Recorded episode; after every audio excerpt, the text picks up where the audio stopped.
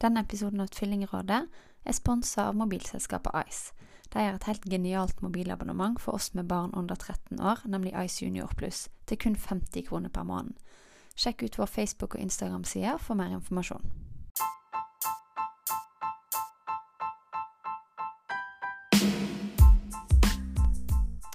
Dette er Tvillingrådet. Hei, Hedvig.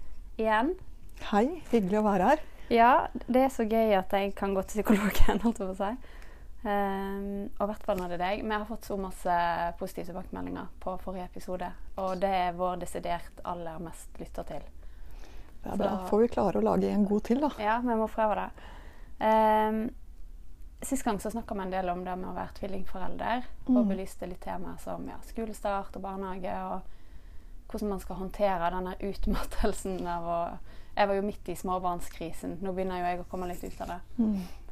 Uh, men i dag så har jeg litt lyst til å prøve å adressere det med å være tvilling. Mm. Uh, fordi det innbiller jeg meg at du har en del gode tanker om. Uh. Altså, nå må jeg bare si at det å være tvilling er jo som å være søsken. Bare tettere, på Mm. godt og på vondt. Og det vil også si at det er ganske mange forskjellige historier der ute Ja. om hvordan det er å være tvilling. Eh, det er alt fra dem som, som er sånn som jeg holdt nesten på å si den litt romantiske litteraturen fremstiller det. mm, Som de er, tenker det samme, er det samme, puster sammen. ja. Til dem som uh, syns det har vært kjempevanskelig å aldri få lov til å være helt seg selv. Kjempevanskelig å alltid bli klistret opp til en annen. Så det er, det er, så, det er så forskjellig Mm. hvordan det livet som tvilling har vært. Like forskjellig som livet selv. Ja. Eh, og det har vi snakka litt om, fordi at man er jo sitt eget individ uansett eh, hva man er født som. Tvilling eller enling eller trilling eller hva det måtte være. Men tror du de båsene, da, fordi jeg, I mitt hode så tenker jeg at det er naturlig å snakke om de enegga da versus de to egga, og er det gutt-jente eller gutt-gutt osv. Mm. Ser vi noen forskjeller der? som du... Altså Det er helt klart at den der økte genetiske likheten som det eneggede fører til, det er klart at det betyr noe. Mm. Allting annet hadde vært kjemperart. Eh, så det er jo helt klart at det er, det er noe eget. Mm. Det er det. Hvis vi kan prøve å generalisere litt, da, for vi kan jo ikke ta for oss alle unike Hva tror du er liksom Jeg vet ikke, Hva er det som er det mest dominerende for tvillingene ved å vokse opp med en som liksom alltid Du vet, Det var jeg som skrev det veldig fint på lørdag i anledning tvillingdagen, at du vet ikke hvor du sjøl slutter, og hvor den andre begynner. Hvordan er det for disse Altså Det er noe utrolig vakkert i det. Fordi at som tvilling så er du helt på ekte Mm. sammen med noen her i verden. Og du er sammen med noen som eh, ikke skal noe annet sted. Eh, så, det, så det er noe veldig sterkt i det, og veldig fint i det. Som jeg ofte ser at tvillinger når de kommer hit, altså de har den der tryggheten i at det finnes en til her i verden, og det finnes alltid et vitne. Mm. I enhver situasjon, i enhver hendelse. Det er alltid et vitne. Så om jeg tror det er mye fint i det Jeg er ikke engang i tvil om at det er mye fint i det. Men det er også helt klart at det er belastende å bli behandlet som tvillingene. Mm. Og det er så fort gjort. Eh, det er så fort gjort å snakke om dem, Mm. ikke om deg. Eh, det er så fort gjort å forholde seg til, eller være som voksen, se den der enheten. Og enheten er en stor del av, eh, av sannheten. Men barn går gjennom noen forskjellige faser hvor de strever veldig med å være bare meg, Mm. sånn som jeg er. Enten de har søsken eller ikke, enten de har en tvillingsøsken eller ikke. Og til og med når de er eneggede. Uh, og det er jo helt spesielt, selvfølgelig, når de kommer opp i tenårsfasen. Mm. Det er helt spesielt at den der å finne mitt helt egne fotfeste i konflikt med den som, dem som står meg nærmest, Mm. gjelder jo veldig for, for oss og tenåringstvillingene. Eh, og vi ser det også når de er rundt ti år, og det der å finne min egen tilhørighet, hvem jeg skal leke med, hvem som skal være mine beste venner, hvem jeg skal dele hemmeligheter med. Mm. Da er det også en del eh, tvillinger som, som begynner å slite med lojaliteten. Kan, hvem kan jeg fortelle alt til? Ja. Og, og hvem kan jeg ha egne venner? Altså hele den problemstillingen dukker opp. Kan man si at tvillingene går gjennom en slags kritisk fase i de fasene her? At, at for, for tvillingbåndet, på sett og vis? Jeg tror i hvert fall at de opplever dette som veldig mange i hvert fall opplever det som mer dramatisk. Ja. Eh, nettopp fordi det, det går så rett inn i familien. Det er ikke noe som bare kan løses der ute. Det er også noe som må løses hjemme. Mm. Ja. Wow. Det er veldig spennende tanker. Vi har jo en, en tenåring hjemme, og, og han alene er jo Det er mye man skal liksom tenke og føle på, og kanskje ikke føle på osv. Men når man er to noe Hvordan blir tenåringsfasen da for Én ting er jo for foreldrene, men, men, men, kan du si litt mer om hva er det de skal gjennom? Skal, skal de løsrive seg fra hverandre, eller er det Altså, De skal jo det også, men eh, jeg ser jo også mange tvillinger i tenåringsfasen som er så glad for at det finnes en som de ikke skal løsrive seg helt fra. Mm, ja. eh, så det, her kommer de mange avskygninger. Og jeg tror jo at noe av det viktigste å tenke på når man har tvillinger, og spesielt når man har eh, tenåringstvillinger, eh, det er at denne løsrivelsesfasen er ikke et opprør. Det er en identitetsfase som handler om å finne seg selv slik som jeg er, med de som finnes rundt meg. Mm. Uh, så jeg tror nok at det er enda viktigere for tvillingforeldrene å ta på seg det riktige blikket for hva er det egentlig som skjer nå Mm. med mitt barn. Uh, og ikke ta det som det store, massive opprøret. Og det tror jeg kan være vanskelig, fordi når de blir to som er i puberteten samtidig, så kan du som forelder føle deg ganske alene uh, i dette hjemmet. Men det er du ikke. Altså, det er du fortsatt ikke. For det er ikke mot deg de gjør dette, her, de gjør det fordi de skal gjennom den fasen der og, og finne sitt mer voksne jeg. Mm. Og det tar litt tid. Så altså, jeg ser både tvillinger som opplever det som trygt at det finnes en å gjøre dette sammen med, og tvillinger, tvillinger som opplever det som utrolig irriterende at det er en sånn til Mm. å gjøre det mot, eh, hvis du skjønner. Ja. Eh, så jeg ser igjen så store forskjeller. Og kanskje er det også det som gjør det litt vanskelig for tvillingene. Det er at det er litt likt det alle andre tenåringer går igjennom, og så er det litt forskjellig. Ja. Og jeg tror det gjør det litt vanskelig for foreldre, for det er ganske likt det andre det foreldre med tenåringer opplever. Men så er det å ha to gjør det sterkere Mm. eh, også. Så, så jeg tror at dette er noe som, som igjen kan gjøre at tvillingene føler at vi er litt annerledes enn alle andre. Og det er en stor Det er på en måte litt et hull å dette ned i Mm. som tvilling også. Jeg er 14, og vi er to. Og vi har det mye altså, Hos oss er det mer enn det det er hos alle andre. Altså, Mm. det, det skrur det litt mer til. Ja. Ja. Og det blir gjerne en sånn uh, profeti som oppfyller seg sjøl, fordi man fokuserer på det eventuelt. Uh. Men jeg må jo også si at jeg ser mange tvillinger som i denne fasen her prøver å søke mer bort fra tvilling, uh, sin, e- sin tvilling. Mm. Som prøver å finne andre interesser, andre bøker å lese, andre podkaster å høre på. Mm. Andre, altså eget påfyll. En ganske stor andel gjør det. Men vi har også den andelen som søker enda tettere sammen. Nå er det oss mot verden. Mm. Uh, så, så der ser jeg at det går på en måte i to retninger, men begge delene er jo litt dramatiske. Ja. Ja.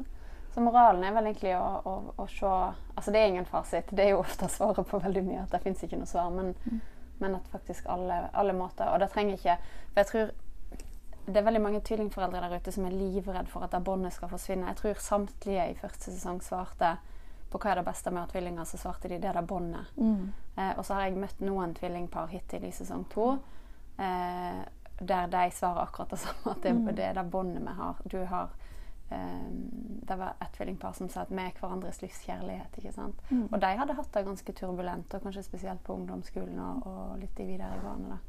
Men det rare er at den du kan krangle med, kan du også elske. Mm. Det gjelder i kjærlighetsrelasjoner, og det gjelder også i søskenrelasjoner. Ja. Sånn at eh, når tvillinger får lov til å kjenne litt på den der gnisningen seg imellom, og blir nødt til å sette ord på det og løse det seg imellom, Mm. så er det faktisk noe veldig fint i det. For det gjør at de kan være enda bedre venner som voksne. Ja. Men hvis de ikke får lov til å ha den uenigheten, ikke får lov til å ha de gnisningene, så tar man bort litt av det de skal ha med seg som valuta senere. Ja, fordi, og nå er du inne på noe veldig spennende som jeg må spørre deg om. Fordi Mm. vi har hatt, eh, Det var tvillingdagen på lørdag. Den nasjonale tvillingdagen i Norge. Og eh, det har vært masse fine innlegg på sosiale medier, og litt diskusjoner selvfølgelig. Og da, var det, da kom det opp et, dette med å dele. Og så var det noen som sa Jeg mener jeg har hørt en plass at tvillinger blir mye flinkere til å dele, men det stemmer absolutt ikke. Og det var jo ingen som var uenig. Altså alle mente jo nettopp det at de er ikke flinke til å dele. Og vi, eh, Tvillingforeldreforeningen måtte gå jo sjøl, fordi eh, angivelig så har vi sagt det i en eller annen setting. Og vi måtte liksom virkelig legge oss flate, da, fordi dette stemmer jo faktisk ikke. Og vår daglig leder nå, Ragnhild, som har litt fagkompetanse, hun sier jo snarere tvert imot. Um, ja, altså, det kan du si. Uh, men, men, jeg hadde tenkt omtrent slik på det. I det å leve sammen med noen gjør jo ikke at man ikke lærer seg å dele, at, og heller ikke at det er konfliktfritt. Nei. For det er gjennom konflikten du lærer deg å dele. Ikke sant? Ja. Så det pussige er at i den forstand at tvillinger blir bedre på å dele fordi de aldri krangler, så kan du bare glemme det. De krangler stort sett på linje med alle andre mm. søsken. Verken mer eller mindre. Uh, og ofte så kan det kjennes ut som enda mer, siden de alltid er i samme interessealder. Mm. Ikke sant? Sånn at de er interessert i det samme. Andre søsken kan på en måte finne ut at ja, men jeg er ferdig med fotball, eller jeg er ferdig med mm. spill av den type, så du kan få de Pokémon-kortene. Altså den type ting. Her vil begge ha de Pokémon-kortene samtidig. Mm. Men det de blir gode på, er jo nettopp det å løse den type konflikter. Mm. Og kanskje er det det det er å være god på å dele er å lære seg å løse konflikter rundt knapphetskoder.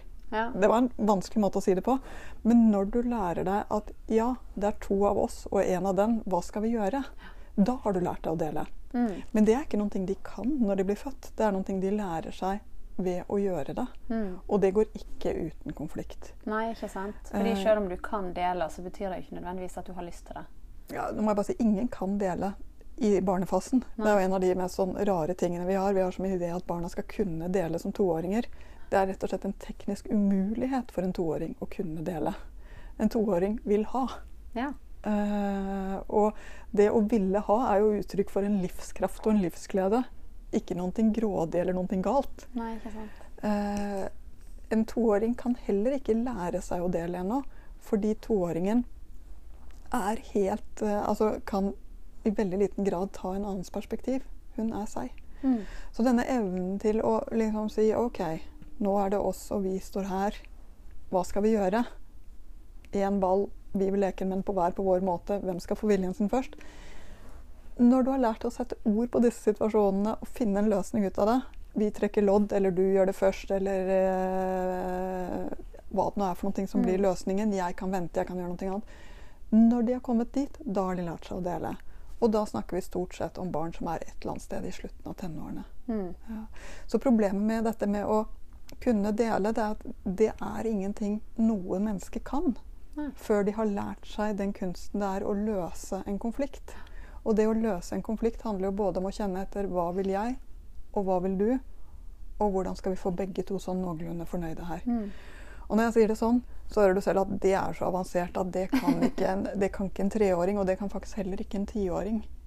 Eh, så det, er, det, tar veldig lang tid å lære seg denne her deleøvelsen. Mm. Det som er helt sant, er at tvillinger får jo massevis av muligheter til å øve seg. Ja, ja. det får de. Ja. Blir de bedre til å håndtere konflikter, tror du, i voksen alder som følge av det? I beste fall ja. ja. De får i hvert fall muligheten til å komme dit. Ja.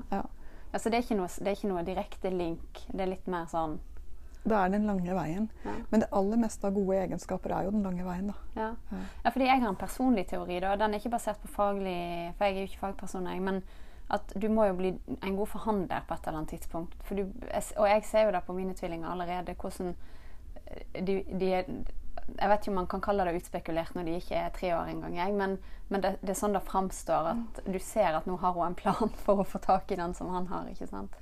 Og det er jo som du sier, hun har jo øvd mye på det. fordi det er jo alltid en eller annen ting som det er en av. eller...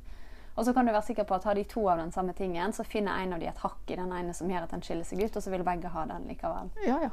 Eh, og dette er ongoing business. Så du får ikke et konfliktfritt hjem av å få tvillinger. Nei. Den som hadde håpet på det, tror jeg nok blir veldig skuffet. Men for tvillingene så er det både noen ting i å lære seg denne forhandlingen, lære seg denne turtagingen. Mm. At begge to blir lyttet til, begge to får muligheten til å finne ut av det. Og det man ofte løser, eh, løser søskenkonflikter med i andre relasjoner, det er å si ja, men du er eldst, så du må gi deg. Mm. Det er faktisk ikke noe spesielt god måte å løse det på i andre søskenrelasjoner heller. Nei. For den eldste har jo ikke alltid feil. Nei, den yngste har ikke alltid rett. Eh, med tvillinger så har man jo ikke den muligheten heller til å gå dit, og det er kanskje like bra. Ja? Da må du faktisk ta det på alvor. At ja, Nå er det rett før middagen, begge er sultne, begge er urimelige, og jeg trenger ti minutter til å få laget denne middagen uten at dere tar livet av hverandre. Hva skal vi gjøre? Ja. Eh, så, så det blir jo på en måte en, en mer jevnbyrdighet i det som, eh, som man ser med en gang. Tenker du da altså er det kri Jeg bare sitter og funderer på Vi klarer jo ikke alltid å se begge tvillingene like godt hele tida. Og så får man jo håpe at over ja, Du sier det tar 20 år å oppdra et barn, i hvert fall. Og at det jevner seg litt ut i løpet av de 20 årene. da, men men hva er liksom i verste fall konsekvensen, da? Hvis du er skikkelig eh, Ja, men eh, ender opp med å gjerne ta den ene i forsvar litt for mange ganger. Altså, Hva er konsekvensen for den andre? Altså det å være det barnet som ikke får sine foreldres kjærlighet For det er jo egentlig det vi snakker om. Mm. Hvis det er ett barn du forstår bedre enn det andre, så er det også ett barn som får mer av din kjærlighet. Og det å ikke få den kjærligheten gir deg jo altså Da vil du virkelig Du vil strekke deg, du vil kanskje prøve, du vil prøve igjen, og så til slutt vil du gi opp. Det er ikke noe god historie. Mm. Uh, så det å få mer enn ett barn gjør virkelig at du må utvide hjertet ditt. Mm. Du er nødt til å finne noen ting å like i det antallet barn du har. I hvert enkelt av dem. Ja. Sånn at du hele tiden har noe å nikke til som du liker i hvert barn. Mm. Og det trenger ikke å være det samme. Nei. Det er det jo stort sett ikke. Men det trenger å være noe i hvert barn. Det er nesten jeg synes at Vi snakker om at foreldre må være rettferdige. Jeg vet ikke hvordan det går an, for barn trenger så forskjellige ting. Mm. Men foreldre er nødt til å finne noen ting å like i hvert barn. Og har du tvillinger, og det kan være ganske overveldende, og du kanskje da har en tvilling som du kjenner fortere, forstår deg, fortere du liksom tapper innpå, så skal du virkelig ta deg senke tempoet og gå ned i langsomhet og finne hva det er for noe i den andre tvillingen Mm. også. Eh, og jeg tror av og til det er noe av det som kan gå galt i tvillingdynamikk. Det er nettopp at foreldrene ikke tar seg tid med den de forstår minst. Nei, Fordi det blir så få naturlige anledninger til det. Det er ofte man er sammen med begge to hele tiden. Ja. Mens de trenger at du tar deg tid til begge to, og at du finner ut av begge to. Også den som krever litt mer av deg for å finne ut av det.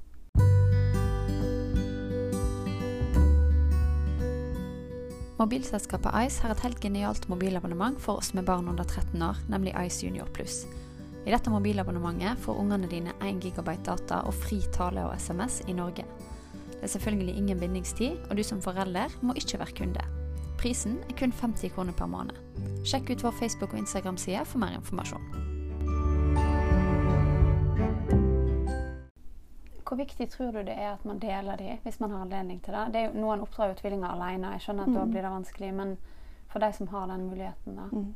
Nå må jeg bare si Det er så forskjellige faser eh, for barn i, i forskjellige aldre. Mm. Og i noen aldre så er det ganske greit å ha dem sammen også.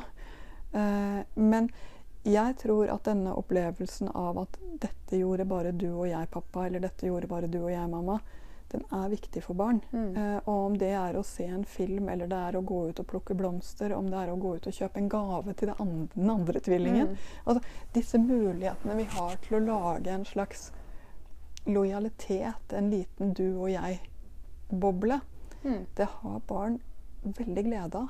Ja. Fordi de skal også føle seg som verdifulle som bare meg. Mm. De skal også kjenne at det går an å være sammen med bare meg. Ja.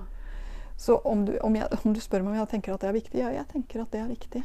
Og det er ikke så utrolig mye som skal til. Det er ikke så mange gangene i året engang vi snakker om. Nei. Men det må skje. Det.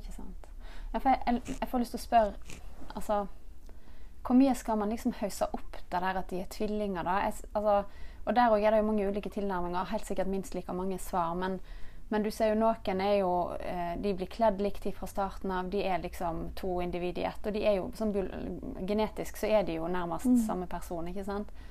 Uh, men hvor mye skal man liksom Fordi den tvillingidentiteten må jo utvilsomt være viktig for dem. Fordi der hører de hjemme. Men altså, de er liksom begge deler. De er både seg sjøl og tvilling. Hvordan i all verden skal vi Så må jeg si, Ofte så er det jo superpraktisk at de har, samme, at de har omtrent de samme klærne. Ja. Eh, Så for mange er nok dette også et rent praktisk forhold. mm. Og så er det jo også litt sånn kulturelt Vi ser det jo på det som veldig søtt Mm. når tvillinger kommer litt likt kledd.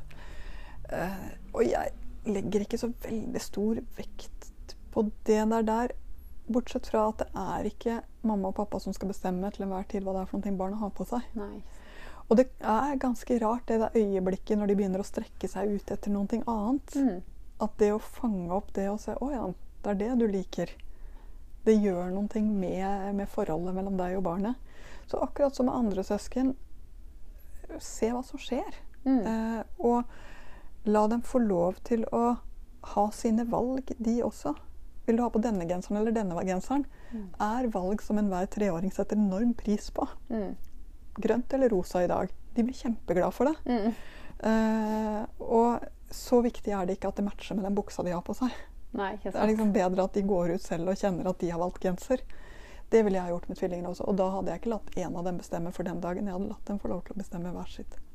Ja, det, og det er jo nesten et, en lite sånn eh, livline i trassaldertid. At hvis, hvis det er veldig viktig for ungen å få bestemme klær sjøl, så kan du faktisk eh, fra et faglig perspektiv fakt la de få lov, da, fordi det er egentlig viktig.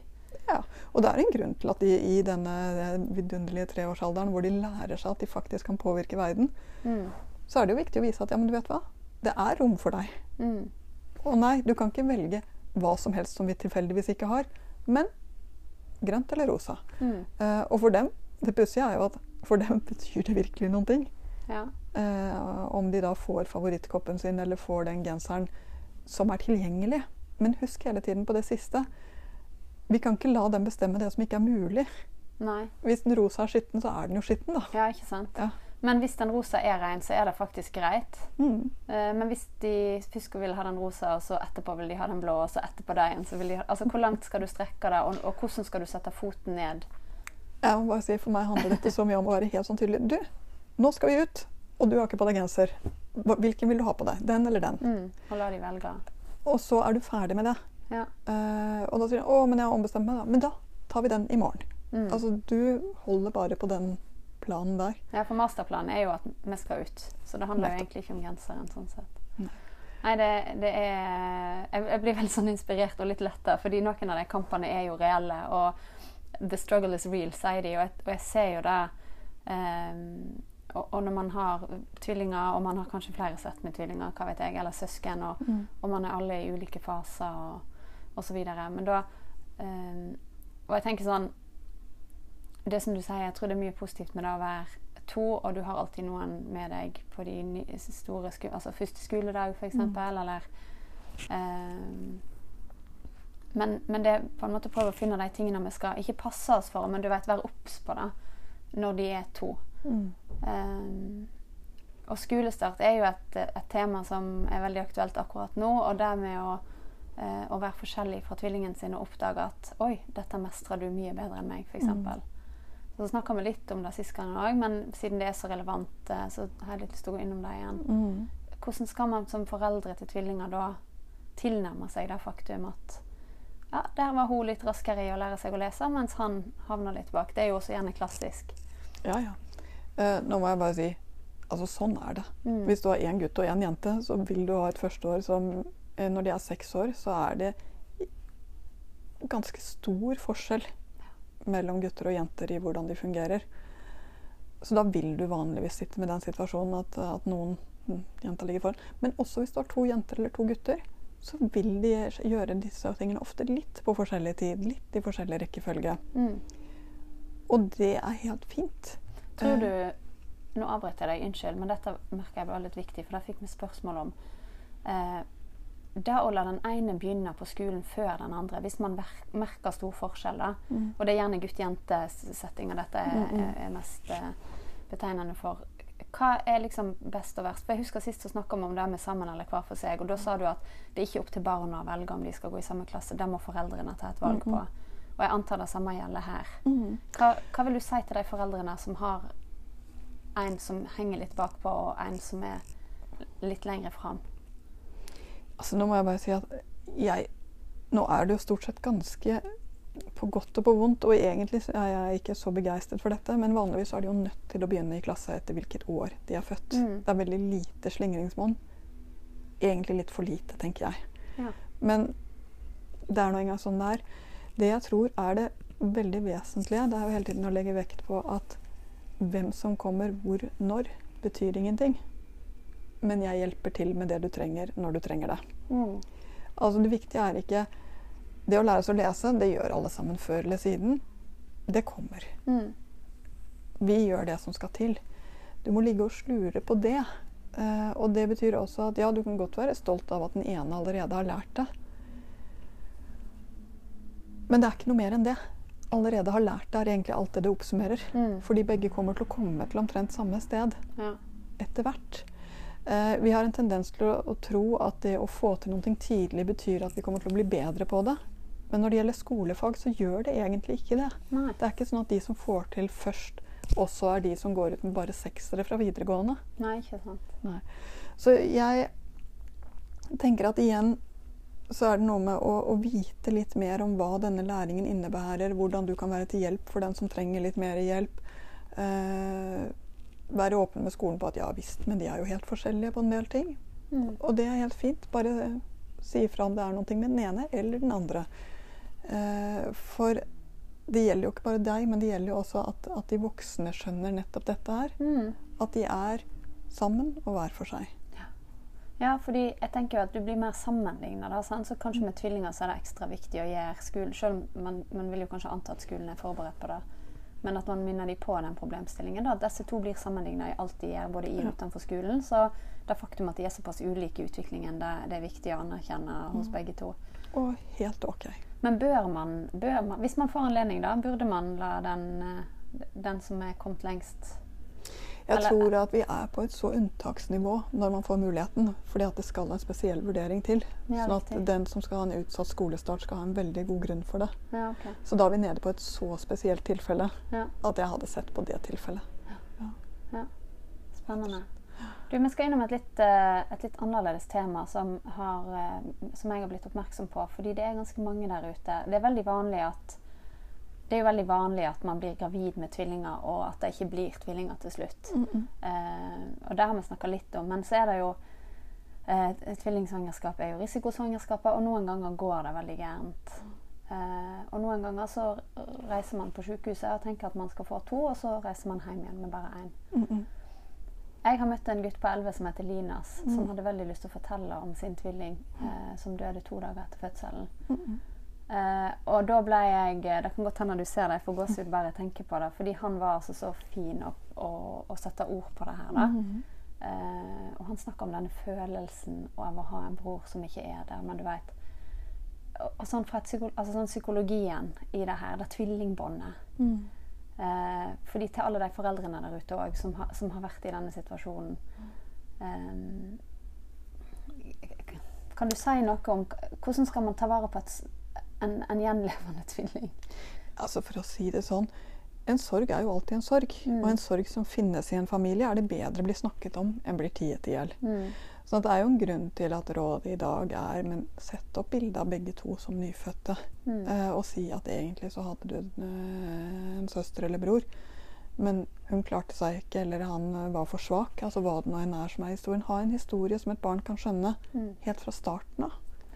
Eh, sånn at den sorgen som dere som foreldre opplever, ikke blir noen ting som blir frosset ned og pakket vekk og, og ikke ikke snakke om. snakke om. For familiehemmeligheter er noe som barn plukker opp og skjønner altfor fort. Samtidig så er det nå engang slik at får du et barn som lever og et som ikke lever, så må jeg også si den gleden over å få et barn som lever, må du få lov til å kjenne på helt og fullt. Mm. Og må også det barnet som lever, få lov til å kjenne på helt og fullt. Eh, og det trenger ikke å Jeg ser ofte altså det å miste et barn er en sterk opplevelse som alltid preger en. Mm. Men det trenger ikke å prege hele livet til den familien allikevel. Eh, og er det vanskelig å balansere denne sorgen og gleden, som jo er voldsomt, å få en så stor sorg og en så stor glede samtidig Det å få et barn er ganske mye strev i starten. Og det vil også si at det å håndtere at du både får så mye strev som en nyfødt barn er, for det tar litt tid før den gleden virkelig kan få lov til å sette seg, samtidig så skal du håndtere en stor sorg, at det er en sånn situasjon hvor jeg virkelig tenker at det å ha folk rundt seg som man kan snakke med, og som man kan få hjelp av til å forstå det, til å få orda på det, til å få grep rundt det, Mm. det betyr noen ting. Men å lage en altså For meg, alltid når jeg jobber med barn og sorg, så er det noe med det fysiske. De trenger å ha en, et bilde. De trenger å ha en eh, At de kan se at der lå vi begge to ved bildet fra ultralyden. Der lå vi begge to inn i magen. Mm. Altså De trenger disse tingene sånn at de, det håndgripelig kan ses på og snakkes om. Mm. Gjør det mye lettere for dem å forstå det. Og også leve med den historien resten av livet. Han sa det så fint. da. Han sa eh, hvis han skulle liksom ja, gi noen tips, eller så, så sa han at hvis du, hvis du trenger å gråte, da kan du bare gjøre det, for da vil de i klassen forstå at du er bare litt lei deg, og det er faktisk greit å gråte. Så oppsummerte han det veldig fint. Og han hadde selvfølgelig Eller ikke selvfølgelig, men han hadde uh, dette albumet og Ja. Men, men er det Altså, hvis man var meint å være to, da, og så ble man bare én, Får det konsekvenser? Ser man det? Altså, jeg vet ikke. Ment å være to her Det er jo nesten et litt filosofisk spørsmål. Ja. et, et av mine barn hadde også en tvilling helt i starten. Eh, som det så ikke utviklet seg, og dermed så ble bare borte. Tenker jeg at de skulle ha vært to? Jeg tenker jo ikke det. Nei. For hva som skjer i uke 8, 9, 10, 11 Det er så tidlig. Ja, ikke sant? Eh, og, og han kommer nå ut og er skei og sitt. Jeg synes det er en veldig det er noen forskjeller her. Eh, men om du har et svangerskap hvor du har gått og ventet på to hele veien, eh, og forberedt til to, og så blir det bare én, så er det klart, da kommer jo den ene inn i, inn i en tilværelse hvor den sorgen er noe av det første. Mm. Eh, og da er vi plutselig over på noe annet som kanskje ikke handler så mye om båndet mellom de to, men som at sånn er det faktisk i vår familie. Vi har mistet et barn, Mm. og da må vi kunne forholde oss til det. Mm. Fordi da er det det som er realiteten. Så, så jeg tenker jo ikke at det er noe sånn bare fordi det hadde vært to befruktede egg i magen, eh, så er det et eller annet bånd der til noe som kanskje ikke finnes. Jeg tror ikke det. Nei. Eh, men jeg ser at det handler om hvilke historier som finnes i familien. Mm. Og det å miste et barn er en historie som finnes i familien, som er fint å kunne dele, istedenfor å sitte med helt alene. Og det gjelder vel selv om ikke det var en tvilling man mista, men det kan jo, det kan jo også skje ut, altså, Ja, ja. I, i hvilket som helst Et, annet et barn før eller etterpå.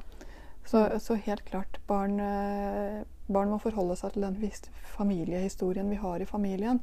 Og det er ikke så veldig lenge siden vi hadde veldig klare tanker om at barn det de ikke vet, har de ikke vondt av. Altså at det å skjerme barna for sterke historier var veldig viktig. Men vi ser at det gjør at barna rett og slett får problemer med å skjønne sin egen familie. Får problemer med å få den der ordentlige kontakten. Hva når mamma da plutselig blir lei seg? Mm. Fordi at hun begynner å tenke, og så går det ikke an å si noe om det. Det, det blokkerer kontakten. Ja, ikke sant. Eh, og sånn sett så er prisen for en familiehemmelighet blir lett altfor høy. Ja. Ja. Så det er greit å vise barn at man er lei seg, og at man har sorg og mm. Mm. Så lenge man også passer på sin egen glede. Ikke sant? Ja. Eh, og det er jo noe i dette. Som voksen så må du hele tiden passe på lyset for de barna du har. Ja. Det er også en foreldreoppgave. Mm. Vi skal bevege oss litt vekk fra det litt mørke temaet, men jeg syns det, var, eh, det var betimelig å ta det. Fordi det er ganske mange der ute som lurer på ting knytta til det her. Eh, og det, jeg tror ikke det er et tema som er veldig mye snakka om, faktisk. Enten det er tvillingrelatert eller eh, Men så er vi tilbake til disse tvillingene, da, som jo er på, pålagt å vokse opp med en eh, ofte prikk lik seg. Eh, eh, er det noen andre ting vi må være obs på? Jeg ser vi må runde av òg, men, men på tampen her, hva, hva er det vi liksom er nødt til å passe mest på av alt? Eh, og kanskje litt ut ifra fasene, du som, for du er så innmari god på de forskjellige fasene. jo. Ja, men når det gjelder tvillinger, så tror jeg det første å huske på, det er at har vi noen gode stunder sammen, vi som hel familie? Det vil si hvor vi koser oss med kakaoen, eller vi koser oss med filmen, eller hvor vi tuller ved leggingen. Hvor vi har de der gode øyeblikkene, hvor det er så godt å være oss som familie. Det trenger det ikke å være hele tiden. Eh, å pålegge en familie å være lykkelig hele tiden hadde vært litt av en tvangstrøye. Men har dere et sånt øyeblikk i døgnet, Ja. så vil de barna utvikle en veldig trygghet og tillit til deg og til hverandre. Så det å skjønne at de lykkelige øyeblikkene betyr mye mer enn bare det øyeblikket er, Ja. det tror jeg er ekstra viktig når man har tvilling. Mm. Og så tror jeg også at foreldre som hadde trodd at det skulle bli konfliktfritt, vil jo selvfølgelig få seg en smell. Mm. Fordi overalt hvor mennesker lever tett sammen, så blir det konflikter. Og overalt hvor det er to som er akkurat i samme fase og trenger din oppmerksomhet, trenger din hjelp til omtrent det samme til omtrent samme tid, Mm. så det er klart du vil få gnisninger, og du vil få lyn og torden. Det gjør ingenting. Det er greit å gjøre feil. Ja, og jeg tror ikke engang det er feil. Nei. Fordi at det tvillingene virkelig lærer seg, så er det jo å leve i flokk. Mm. I et oss. Og i en flokk vil det alltid være gnisninger. Men gnisningene gjør ingenting så lenge det blir løst. Og med løst mener jeg at vi kommer oss videre fra den situasjonen. Mm. Så som foreldre så tror jeg at du skal vite at de får mye mer igjen for de gode øyeblikkene enn det du kanskje ser. Og du skal også vite at det som ser ut som helt uløselige søskenkrangler og tvillingkrangler, nettopp er å gå igjennom det å finne min plass i denne søskenrelasjonen, min plass i det å leve så tett sammen. Og det må de. Mm. De gjør det ikke fordi de er dårlige mennesker, eller fordi de ikke kommer til å være venner som voksne. Fordi det er jo det interessante å se med tvillinger. Hvordan den der forståelsen de har som voksne med hverandre, Mm. er så kraftfull. Hvordan de kan gå ut og kjøpe samme plagg i samme uke uten å ha snakket hverandre med hverandre. Hvordan de kan eh, komme på noen ting og slå på tråden helt på likt. Det er ikke bare anekdoter. Nei. Det er noe med denne genetikk, genetikken som gjør at det skjer. Og at det er noe så fint og så trygt å ta med seg inn i livet. Mm. Vi burde egentlig bare prise oss lykkelige for å få lov å være tvillingforeldre, tenker jeg da, når du oppsummerer som du gjør. Det er så mye fint. Og siden du spurte meg om fasene, Ja. så tror jeg at det du skal huske på med når de er riktig små, det er at da bestemmer du alt. Men det betyr ikke at de skal ha akkurat det samme, eller at alt skal være likt. Betyr, de er fortsatt to. Mm. Som, så gjør det som er praktisk, men, men ikke gjør det til en drøm at de skal bli seg helt like. Nei. Eh, Det er fint til fotograferingen, men det er ikke sikkert du trenger det til hverdagen. rett og slett. Eh, når de kommer opp i skolealder, har veldig blikket for hva de ser etter når de går ut av huset. Hva har de lyst til? Blir de en som synger, eller en som tegner? Blir de en som eh, løper hekkeløp, eller blir de en som sparker fotball? La dem få lov til å prøve seg frem da også. Og til å skille lag i noen aktiviteter og noen, eh, noe av denne søken. De trenger ikke å være på samme sted til samme tid hele tiden. Selv om det er praktisk for oss Mm. å bare måtte kjøre og hente Ja, på et sted. sant? At vi ikke går den praktiske fella. Men ha litt blikket for det. Og for tenåringene da er det en dobbel frigjøring. Ja, fordi at jeg må bare si at det, det høres jo pussig ut, men jeg liker jo tenåringsfasen godt. Mm. Fordi det er noen ting i denne identitetssøken som blir så kraftfull og så eksplosiv, men som også er uttrykk for en sånn livskraft. Ja. Så husk på det når den der døren smeller, også mellom tvillingene, at dette er ikke fordi de er uvenner livet ut. Det betyr at det er massevis av livskraft i hver av dem. Mm. Du, herlighet. Kloke ord nok en gang fra deg. Nå skal vi avslutte. Men eh, takk igjen for at du stilte opp i sesong to òg. Eh, jeg er helt sikker på at det er veldig mange der ute nå som føler seg berika. Og jeg kjenner det sjøl òg at eh, Jeg skal ikke si at jeg gleder meg til tenåringsfasen, men jeg føler meg i hvert fall litt mer rigga. Eh, du hørte på Tvillingrådet. Jeg heter fortsatt Merete. Tusen takk for oss.